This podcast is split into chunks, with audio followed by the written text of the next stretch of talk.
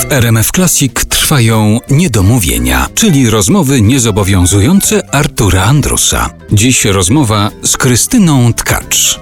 Często się mówi o aktorach, że to jest aktor i tu się podaje nazwisko albo jakiegoś autora, albo jakiegoś kompozytora, reżysera najczęściej, że to aktor Kieślowskiego, aktor Mrożka, aktor Witkacego.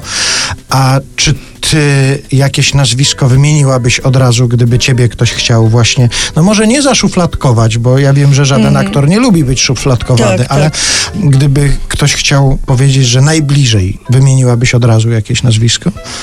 To znaczy mnie zaszufladkowano z tym, że wcale się nie buntuję. To są spektakle Bertolda Brechta. To właściwie już jak y, byłam drugi sezon na scenie, to już y, wystąpiłam w Dobry Człowiek Seczuanu w reżyserii Romana Kordzińskiego. Potem w Warszawie Moja druga premiera to był Happy End Brechta w reżyserii Olgi Lipińskiej. No a potem taki mój największy sukces, gdzie zauważyła mnie nie tylko publiczność, ale właśnie krytycy i środowisko teatralne, to było właśnie Mahagony w reżyserii Krzysztofa Zaleskiego w Teatrze Współczesnym. No i tam się ukazała między innymi taka recenzja, w której porównywano twoje wykonanie Surabaja Johnny do wykonań światowych No właśnie, i było powiedziane wprost, może tobie nie wypada tego mówić, to ja nie powiem. wypada, tu skromna Że jestem osobą. żadne z tych światowych wykonań nie równa się z wykonaniem Krystyny Tkacz. W żadnym nie ma takiej siły, jak w twoim wykonaniu.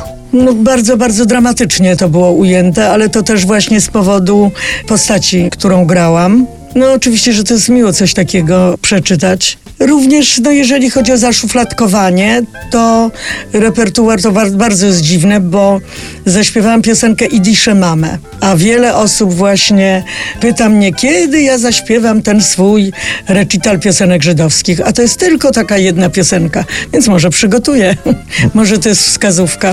No, ale jaka Mhm. to też musi być siła, jeżeli ludzie na podstawie jednej piosenki myślą o całym recitalu i o, o jakiejś większej całości, że to no musi być większa. Powiedziałeś? Ale nie uciekasz też od Mhm. repertuaru, no może innego troszeczkę, bo na przykład Wali Górski pojawił się. w- No ale w dół uwielbiam. No uwielbiam różnorodność, no po prostu. To jest sprawdzian dla aktora być kameleonem. No dlatego aktorzy tak nie, nie, nie lubią bycia zaszufladkowanym, ale też trudność polega na tym, żeby w każdym repertuarze no, umieć trafić w te nuty, w te tony, które tam są najważniejsze i znaleźć je i wykonać utwór. Piosenki Piotra Bukartyka na przykład. Tak. Kolejna rzecz. To jest y, ostatnia, jedna z ostatnich przygód i właśnie bardzo serdecznie nie wiem, czy, czy wolno zaprosić Państwa na spektakl Kaszana zdalnie sterowana. Teraz będzie chyba w listopadzie na, na, na festiwalu w Tarnowie grany. Ja uważam, że to jest spektakl naprawdę wybitny i tak tam te piosenki nabrały nowych kolorów i wymowy, jak aktorzy grają.